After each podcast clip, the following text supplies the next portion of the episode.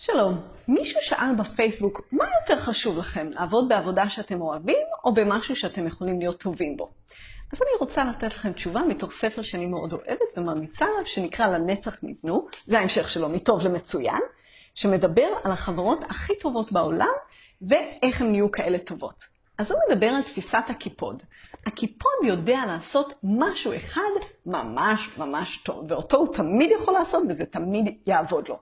אז כל חיה שרוצה לתקוף קיפוד, וחיות לא רוצות לתקוף קיפודים, הקיפוד תמיד עושה דבר אחד, הוא מתכדר ושולח את הקוצים הארוכים והמאוד מאוד חדים שלו. זהו, חיות לא תוקפות קיפוד. הוא לא כזה חכם ומתוחכם כמו שועל, הוא יודע לעשות דבר אחד ולעשות אותו טוב. וזה מה שאתם צריכים, שיהיה לכם דבר אחד ואתם עושים אותו טוב ומרוויחים ממנו.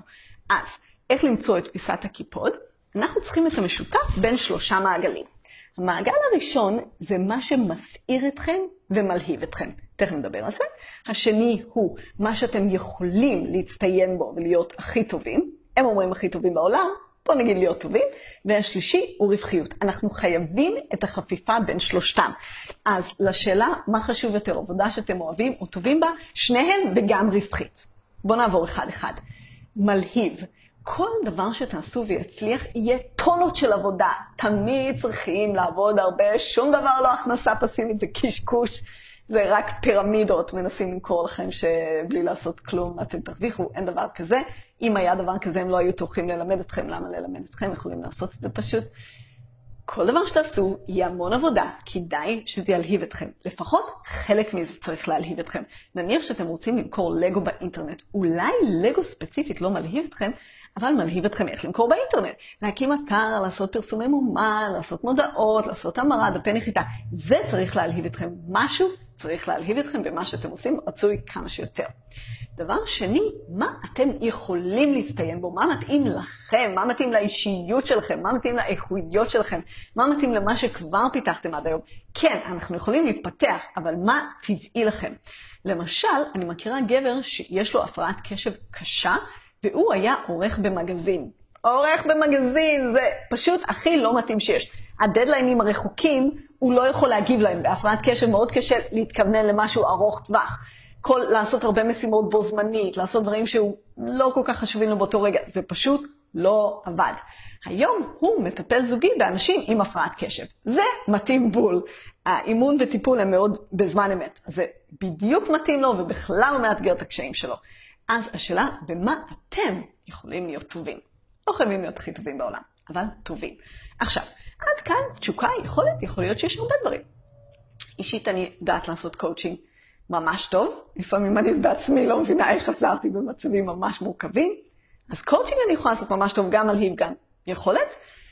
ללמד, אני לימדתי בעבר, אה, טוב, בעבר לימדתי מתמטיקה, אבל לימדתי אה, קורסים אה, של הכלי שאני עובדת איתו, focusing, והכשרתי מורים, אני יודעת ללמד מצוין, אנשים אהבו את הקורסים, אוקיי, אני גם כותבת לא רע, מקליטה, אז יש די הרבה דברים שאני יכולה לעשות ואוהבת לעשות, אבל אז אנחנו מגיעים לעניין של הרווחיות. אתם צריכים למצוא מה יהיה רווחי. אני מכירה מישהי שהיא שחקנית מצוינת. הצגות שהיא שיחקה בהן היו עטורות פרסים. אוקיי, אבל לא הייתה שם רווחיות. זה פשוט לא עבד, המספרים לא הסתדרו. המספרים צריכים להסתדר. עכשיו, בואו נדבר על רווחיות. בספר הוא מדבר על סמן הרווחיות. מה בדיוק רווחי בעסק שלכם, או, או כשכירים זה פשוט, שכירים יש לכם משכורת, אבל בעסק זה יותר מורכב. מה מביא באמת את הפרנסה? מה מביא באמת את ההכנסה? אז למשל, דיברתי עם מורה ליוגה, והיא מדברת איתי אם ישלמו לה איפשהו 100 שקל לשעה לשיעור, או 150.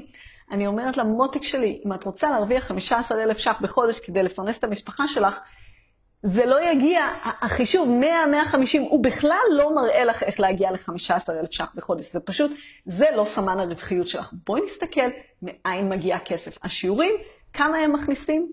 לא כל כך הרבה. אה, בקבוצות הפרטיות שלה היא מוכרת מנויים. אהה, זאת הרווחיות העיקרית שלה. אז זה היא צריכה למדוד כמה מנויים היא מוכרת, ולזה היא צריכה לשאוף, להגביר את מספר המנויים. אתם צריכים לשאול את עצמכם מה סמן הרווחיות, מה אתם צריכים למדוד. ולדעת שאתם מסתכלים על הדבר הנכון, ולא על כל מיני שטויות קטנות. אז לשאלה, מה חשוב להיות טובים במה שאתם עושים, או עבודה שאתם אוהבים, גם וגם, ורווחיות. אני מאמנת אישית ועסקית. אני מאוד אוהבת לעזור להרוויח כסף, התשוקה שלי לגמרי נמצאת שם. מוזמנים לדבר איתי. להתראות.